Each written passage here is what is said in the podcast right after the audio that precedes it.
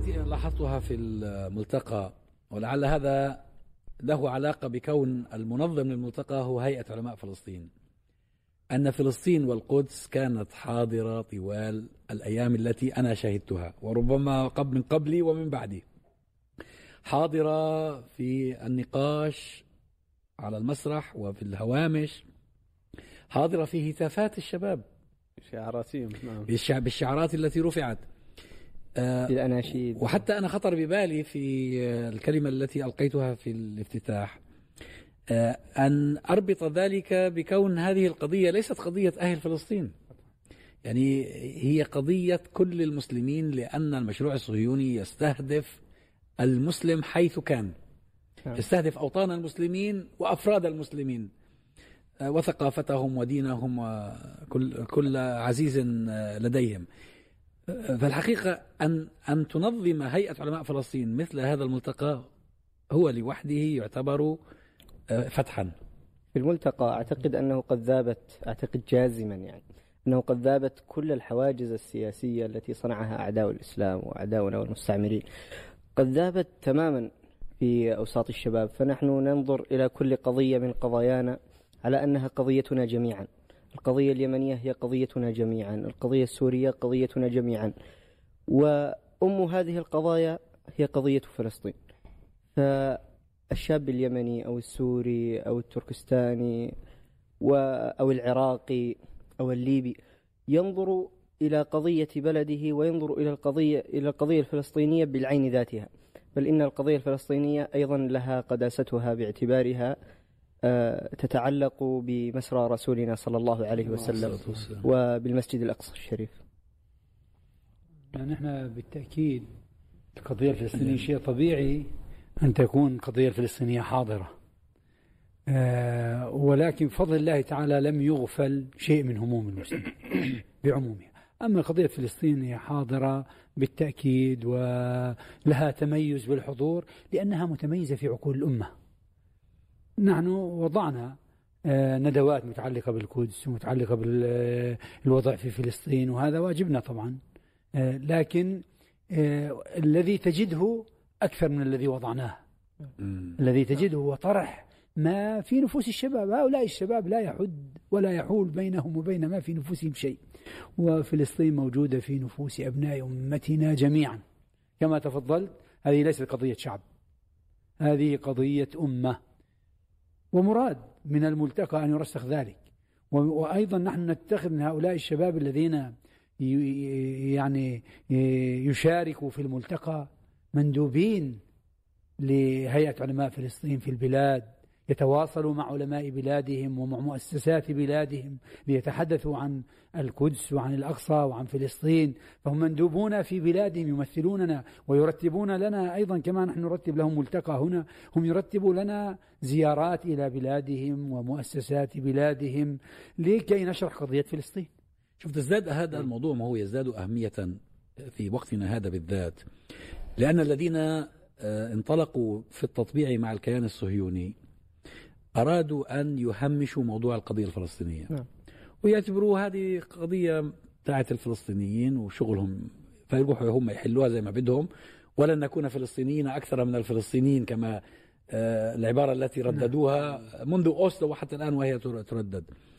آه، والحقيقة أن أن المشكلة في فلسطين ليست كذلك. المشكلة في فلسطين هي أن الأمة بأكملها تعرضت لغزو. هذا الغزو غرس حربته في فلسطين ولكنه يستهدف الجميع من حولها.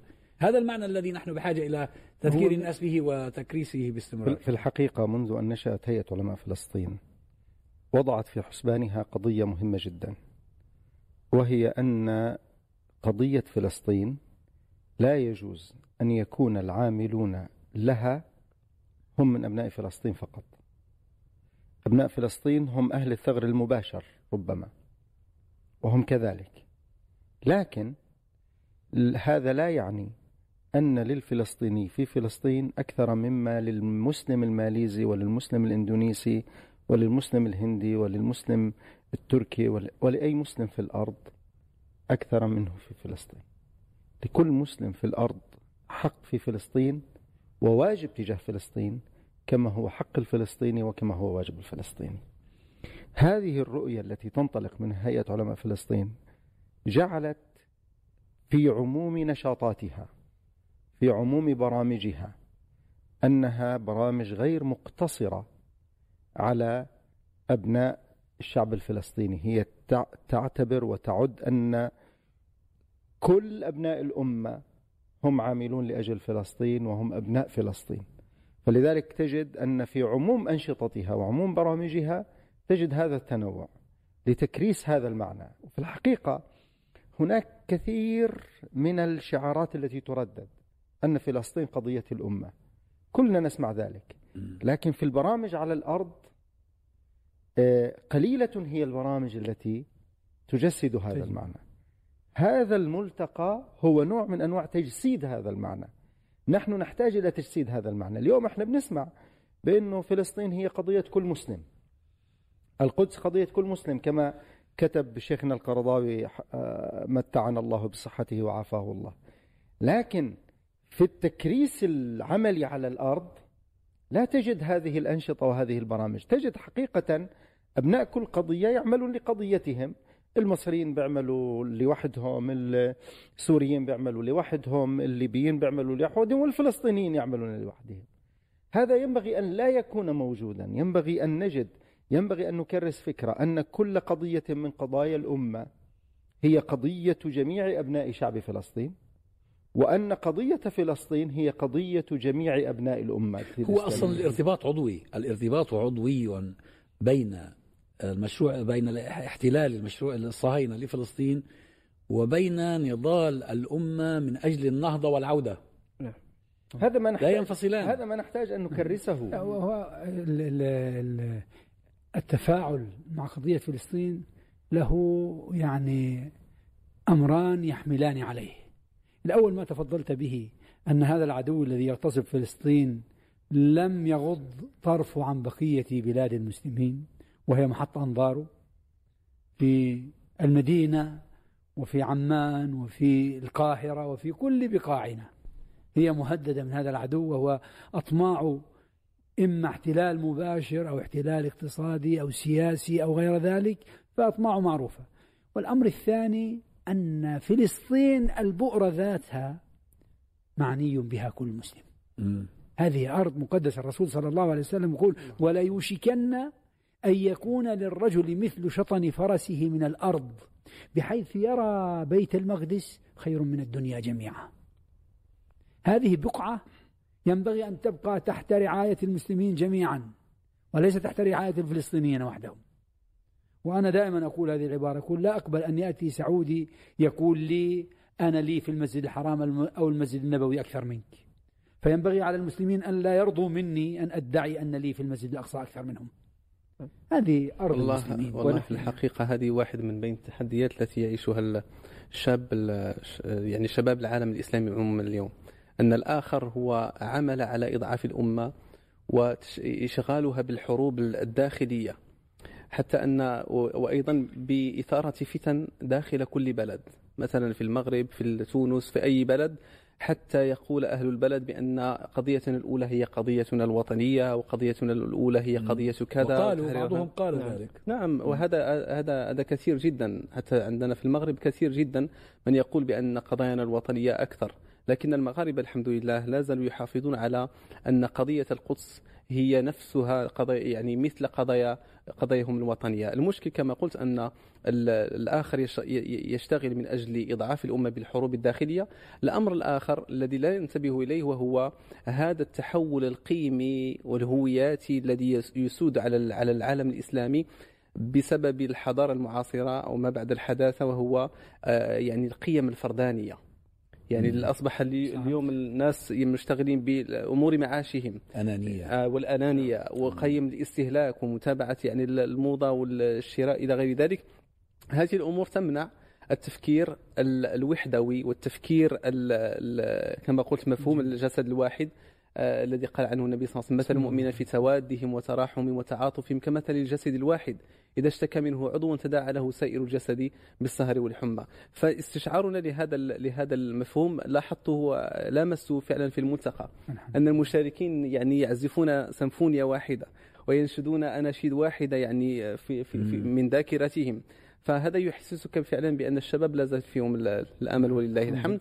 كما انه لا ينبغي أن نغفل بأن يعني إخواننا ذكرونا بقضاياهم أيضا السوريين مثلا واليمنيين والليبيين أيضا يجسدوا من خلال آه صحيح في في مداخلات الأساتذة حول تركستان الشرقية والإغور وكذلك الروسيين. يعني عبروا فعلا عن بعض التحديات هو جسد واحد هو جسد واحد وأنا ارى وأنا أرى أنه موجة التطبيع التي حصلت اليوم.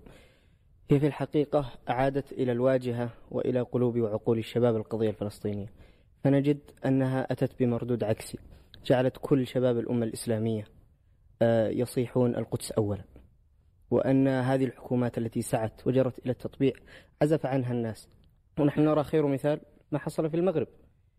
هجر الناس ذلك المكون الذي طبع مع الصهاينة وقالوا كلمتهم في الانتخابات بشكل واضح جدا أن فلسطين هي القضية الأولى ولا يمكن أن يعزفوا عنها. هذا الأمر الأول. الأمر الثاني أنا أعتقد جازما وأنا من اليمن والجميع يعرف ماذا ما تعيشه اليمن. أن كل هذه القضايا لا أقول الجانبية ولكن هذه القضايا الأخرى إلى جانب القضية الفلسطينية إنما جاءت لتشغلنا عن القضية الفلسطينية المحورية. كل قضية يأتي بها أو كل مشكلة أو كل انتكاسة يحاولون أن يصنعوها في وطننا العربي والإسلامي. إنما هي لكي يشغلوا الناس ويشغلوا الشباب ويشغلوا عقول آه، الفاعلين من أبناء الأمة الإسلامية عن قضيتهم المحورية القدس وفلسطين. لأنه إذا ما تحرروا إذا ما تحرروا قطعا لن تتجه أبصارهم إلا إلى القضية المحورية المركزية قضية القدس وفلسطين. أنا هنا أريد أن أقول شيئا. عندما نقول أن القضية الأم هي قضية فلسطين لا يعني هذا على الإطلاق أن هناك تهميشا نعم. أو تقليلا من القضايا الأخرى التي تعيشها الأمة ليس في الأمة قضايا هامشية قضايا الشعوب التي تثور على الطغاة لتتحرر منها ليست قضايا هامشية نعم. قضية الشعب السوري في ثورته على النظام السوري وقضية الشعب المصري قضية الشعب اليمني وقضية الشعب الليبي وقضية الشعب التركستاني هذه لي وقضية الشعب العراقي. هذه ليست قضايا هامشية هذه قضايا أساسية ومركزية وأصيلة. آه، وهذه القضايا لو تفكرنا فيها سنجد اليد الصهيونية متغلغلة فيها. نعم. متغلغلة في إفشالها.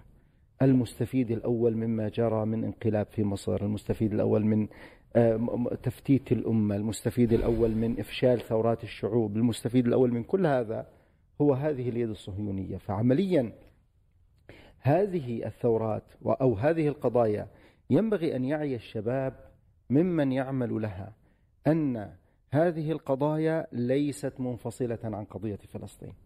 هناك كما ذكر الدكتور عزام ارتباط عضوي بين قضايا الأمة كلها. فلا يجوز على الإطلاق أن أن أن نتعامل مع القضايا مجزأة. عدونا يتعامل مع القضايا على أنها كتلة واحدة. فلذلك نجده يخطط لها كلها. فيها كلها. يخطط لها كلها تخطيطا واحدا. ونحن نخطط لكل قضية مجزأة. فهذا يحتاج منا إلى إعادة أخذ زمام المبادرة والنظر إلى قضايانا على أنها قضية واحدة. وأن العمل في هذه القضايا هو نوع من أنواع التجزئة التخصصية. إنه هذا متخصص في العمل في هذه القضايا القضية وهذا متخصص. ولا يعني عمل فلان في قضية الفلانية أو عمل فلان في القضية الفلانية أنه يزدري القضايا أو أنه غير معني بها. أو أنه غير معني بها وأنه يهمش أو ينظر بلا مبالاة إلى القضايا الأخرى. بل هو يعمل عمل التكامل بين هذه القضايا ليحقق هذا النصر المتكامل. حقيقة هذه المعاني أنا وجدتها خلال الفترة القصيرة التي قضيتها في الملتقى. أنا أمضيت أظن أربع أيام معكم. أربع أيام نعم. أه، وأثلج صدري ذلك. ليش؟ لأنني أنا كنت أخشى باستمرار على شباب الحركات الإسلامية من وسوسة الشيطان في هذا الأمر. ونحن لدينا تجارب حصلت في بعض الأقطار العربية. آه، تيارات إسلامية أو عناصر محسوبة على الحركات الإسلامية. وصل بها الأمر في بعض الأوقات إلى أن تقول فلسطين قضيتهم ونحن لنا قضايانا. قال عشوقكم بديكم أي نعم وهذا في منتهى الخطورة لأنه هذا يعني قصور في الفهم. إنه نحن قضية فلسطين مش قضية إنه أرض أبي واحد أعتدى عليها وأنا بدي أرجعها. قضية هذا الغزو الاستعماري الذي يستهدف الأمة ودينها. من لم يفهم قضية فلسطين على هذا الأساس يكون فهمه قاصرا لأنه الموضوع مش موضوع آه، تراب صخر وتراب وحجر ولا حتى مجرد مسجد. كل هذا مهم ولكن الأهم منه أن الأمة بأسرها مهددة. تتعرض للانتهاك بسبب هذا المشروع الصهيوني. فأنا عندما أرى في هذا الملتقى الذي تنظمه هيئة علماء فلسطين. آه، جو ومجموعة ثلة من الشباب آه، يتمتعون بالوعي من مختلف المناطق. وم- وما في واحد منهم إلا إلا وبلده مكلوم. نعم. يعني ما في واحد فيهم إلا في عنده مشكلة في بلده. يعني السوري جرحه غائر اليمني جرحه غائر الليبي العراقي التركستاني من من ليس لديه جرح؟ ولا الأقليات اللي عايشة في إيران ولا في غيرها كلها لديها مشاكل. ومع ذلك أطمئن وأسر بأن أرى وعيا آه، ب- آه، ب- ب- بهذا الترابط العضوي بين بين قضايانا في جميعا الملتقى قلنا للشباب الوطن عند المسلم خمس أجزاء أو خمس بقاع. مكة رقم واحد لكل المسلمين فهي مقدمة على بيته وعلى وطنه الذي يعيش فيه. نعم. المدينة رقم اثنين. القدس بيت المقدس وما حوله رقم ثلاث. بالنسبة لكل مسلم مهما كان عنده ظروف قد ينشغل ولكن قلبه وما هو فؤاده إلى هذه البقاع. هذا دين. هذا تكليف شرعي. رقم أربعة بلده الذي ولد فيه. رقم خمسة بقية بلاد المسلمين. ولذلك لن تجد شابا لا أقول في الملتقى مسلما ملتزما واعيا لدينه ومبادئه إلا وهو يعتقد أن الأقصى وطنه بلده أرضه مقدسه وهو مقدم عنده حتى على موطنه. وهذا لا يعني إهمال موطنه قطعا وإنما يعني الأولويات. فهذه بقاع وهذا ترتيب الشارع للبقاع. فالله سبحانه وتعالى جعل هذه البقاع على الترتيب هذا الذي ذكرناه. ولذلك الحمد لله نحن نجد كما تفضلت الشباب كلهم أصحاب هموم وقضايا ولكن هذه القضية حاضرة ولها أولوية. وأنا بصفتي فلسطيني طبعا مشغول بقضيتي وهذا بابي وأنا ولكني لا أغفل أن هناك قضايا لأبناء أمتي علي أن أعطيها بالحد الأدنى مشاعري. بالحد الأدنى ودعائي. وما يمكنني بعد ونصرتي بما ذلك. أستطيع. ها؟ ونصرتي و- بما ون- وما أقدمه وما أستطيعه بعد ذلك. أنا حين أجلس مع إخواني في الملتقى آه، يبث في من الأمل والتفاؤل أن المستقبل لهذا الدين. والمستقبل أن القضية الفلسطينية وأن فلسطين سيعود للمسلمين قطعا لا شك في ذلك. نحن حين نرى هذا التفاعل وهذا التلاحم والتكاتف من شباب الأمة الإسلامية أنا أعرف حتى نكون واقعيين أكثر أن أصحاب الوعي والنخب من الشباب هم قلة وأن كثير من الشباب خصوصا بعد نكسة الثورات المضادة قد أصابهم الإحباط أصابهم الفتور وأصابهم من الهم والغم ما أقعدهم عن العمل. لكن هؤلاء القلة القليلة من الشباب الواعد من الشباب المتفائل من الشباب كما نقول النخبة من الشباب هم قادرون على صناعة التغيير إذا ما أتيحت لهم الفرصة. بل هم قادرون على صناعة هذه الفرص وسيصنعونها قطعا وستعود كل قضايا الأمة الإسلامية آه، قضايا القضايا الحقيقية هذه ستعود منتصرة إن شاء الله سبحانه إن شاء الله بإذن الله أعتقد تعالى. أن هذا ال- هذا الملتقى هو واحدة من الخطوات من أجل الوعي أيضا بقضايا الأمة كلها ومن مقدمتها فلسطين لأنه هذه الملتقيات وفي هذا الاجتماع وفي هذا الالتقاء وفي هذا التحدث والخروج بمخرجات معينة أعتقد أن هذا واحد من الأمور التي تحتاج إليها الأمة من أجل أن تنهض. أمر آخر لابد أن تشتغل الأمة على أن تدخل إلى العوالم السوشيال ميديا التي يعيش فيها الآن الشباب. يعني إحصائيات لمنصة عالمية حتى لا أذكر أسماءها يعني منصة عالمي عالمية تقوم برصد عدد ال- المعدل الساعات التي يقضيها المغربي الجزائري السعودي يعني الدول كلها في هذه في هذه المنصات. وصل مثلا في المغرب تقريبا أربع ساعات في المعدل في اليوم الواحد. أربع ساعات ما ماذا يعني؟ في المعدل. معناه أنه قد يوجد شباب آخرين. عشر ساعات. آه يقضون ست ساعات سبع ساعات. كما أن هناك شيخ كبير مثلا خمس دقائق عشر دقائق. فتجميع هذه يعني معدل المعدلات على الشعب كله. آه, آه، على أربع الشعب. ساعات يعني كمية طويلة. معنى يعني ذلك ما- لا معنى ذلك في كما تفضل إنه في آه، ثمان ساعات. لأنه في في أكثر. الكبار بالسن هؤلاء لا يقضي خمس دقائق عشر دقائق.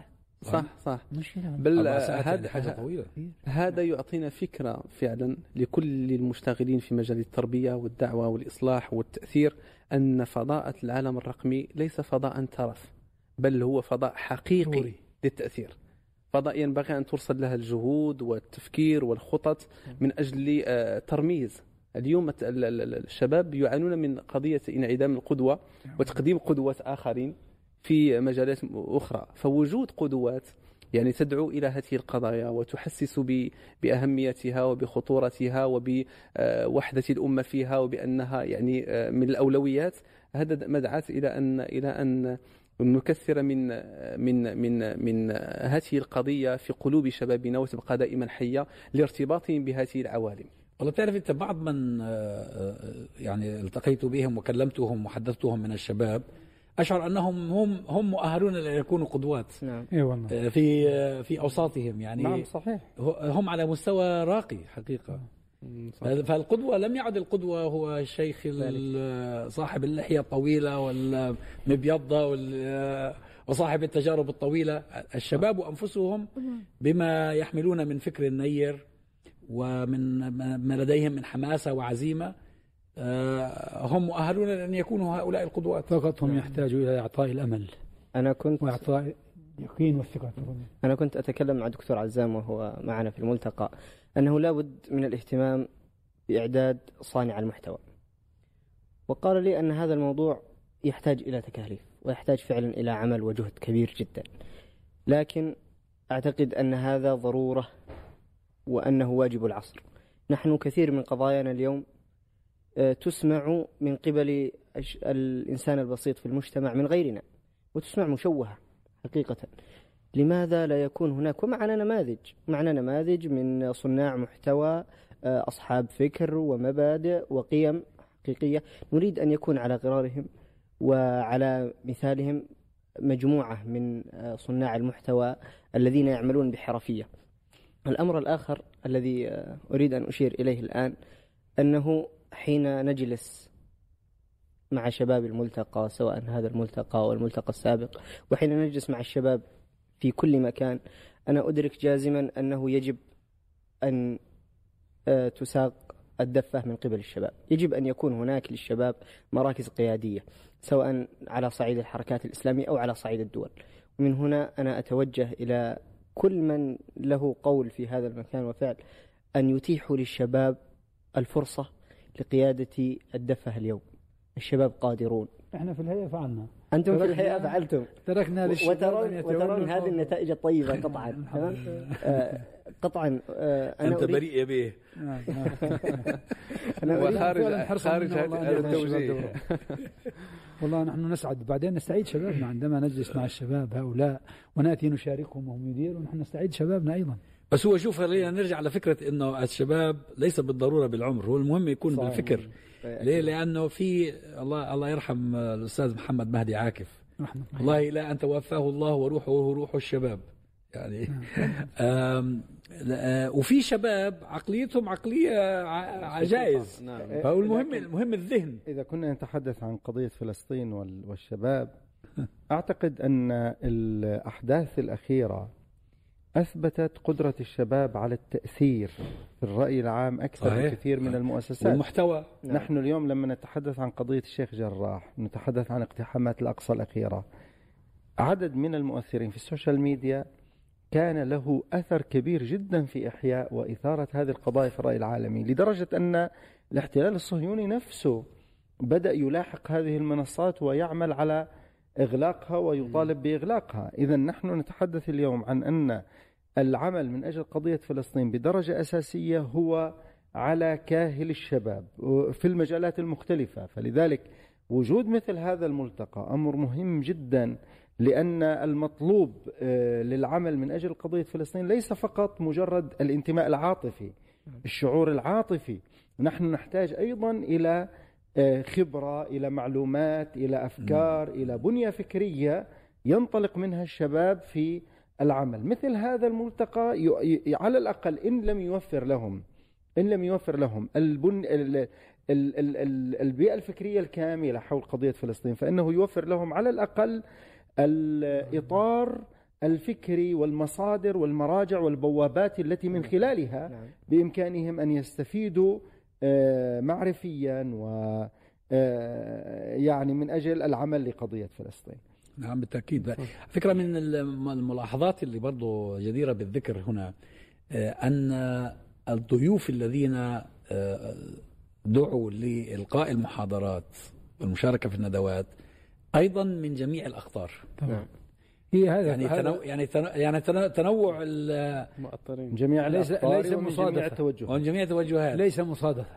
آه. لا الحقيقة هذا ليس مصادفة ولا وإنما هو أمر مراد من أصل الفكرة.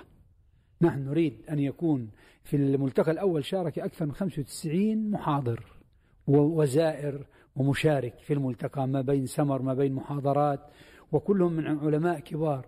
ومن المدارس المختلفة الصوفية والسلفية والإخوانية والتبليغية ومن المدارس الإسلامية المختلفة وسياسيين وشرعيين ومفكرين. وهذا من أهداف الملتقى. وبفضل الله تعالى الآن عندما تنظر بالشخصيات التي شاركت في هذا الملتقى إلى هذا الوقت وإلى فيما هو قادم تجدها بهذه التنويعات سواء كانت من الشباب القادمين أو من الشيوخ المحاضرين. والله هذا هذا الأمر هو ما تحتاج إليه الامه اليوم. نعم. هو ان أن تتعاون كل الأطياف وكل الألوان أن تتعاون فيما اتفقت عليه ويعذر بعضها بعضا فيما اختلفت عليه. متفقة يا شيخ. آه، متفق يعني متفقة وتصنع الخلاف. الأمة متفقة وتصنع لنفسها الخلاف. صناعة حقيقة نسبة ما يتوافق عليه أبعد سلفي عن أبعد صوفي. وما بينهما لا تتجاوز الخمسة إلى عشرة بالمئة. صدقني الخلافات في مجملها ليست فكرية ولا أيديولوجية هي خلافات شخصية. بالضبط. للأسف. مصنوعة صناعة. خلص لا أقول لكم يعني شيء. الهوى. نفوس. الهوى. أقول لكم شيء ال- لدي صفحة رسمية على ال- على ال- الفيسبوك فأنشر فيها بعض الأمور. فمرة نشرت فيها فيديو ل- ل- لداعية إسلامي فالتعاليق كلها سب وشتم في شخصية هذا هذا هذا الرجل ولم أرد عليهم. لكن بعدها نشرت فيديو آخر لشخص غربي يدافع عن الإسلام. ذلك الشخص الغربي قد يكون سكير قد يكون مثلي قد يكون لسنا أنا لسنا ندري. فتجد الناس تمدح. فلماذا يعني نقدس الآخر لكونه قال كلمتين في الإسلام؟ ولا لا نقدس ولا تقديس يعني تقديس بين آلاف الأقواس تقديس البشري الذي يليق به لماذا لا نقدر العالم أو الشيخ شهادته لأن, آه. لأن, لأن الذي أيوة. شهد آه. للإسلام وهو من ليس من خارجه. أهله آه. شهادته أقوى و... و... وأبرز صح. يعني صح. فالناس تهت- تهتم بها من هذا والإنصاف الباب عزيز إذا أنصفك غير الإنصاف المسلم عليك أن تقدر إنصافه صح هذا الذي نحتاج إليه هذا الإنصاف بأن أن نقدر الشيخ العالم الذي أسلم على يديه وبلغ ويعني ووعظ ويعني وضح وفسر إلى غير ذلك وأجاب فإذا ما اختلفنا معه في قضية واحدة يعني نهدم كل شيء فنسب ونشتم وللأسف طبعاً يعني هذا خطأ ولكن لا. لا تضيق بمن يمدح. يثني على صاحب شهادة الحق ولو لم يكن في أصله محقا. نحن مع الفكرة لسنا مع الشخص صح. نحن ندور مع الفكرة بلا برهان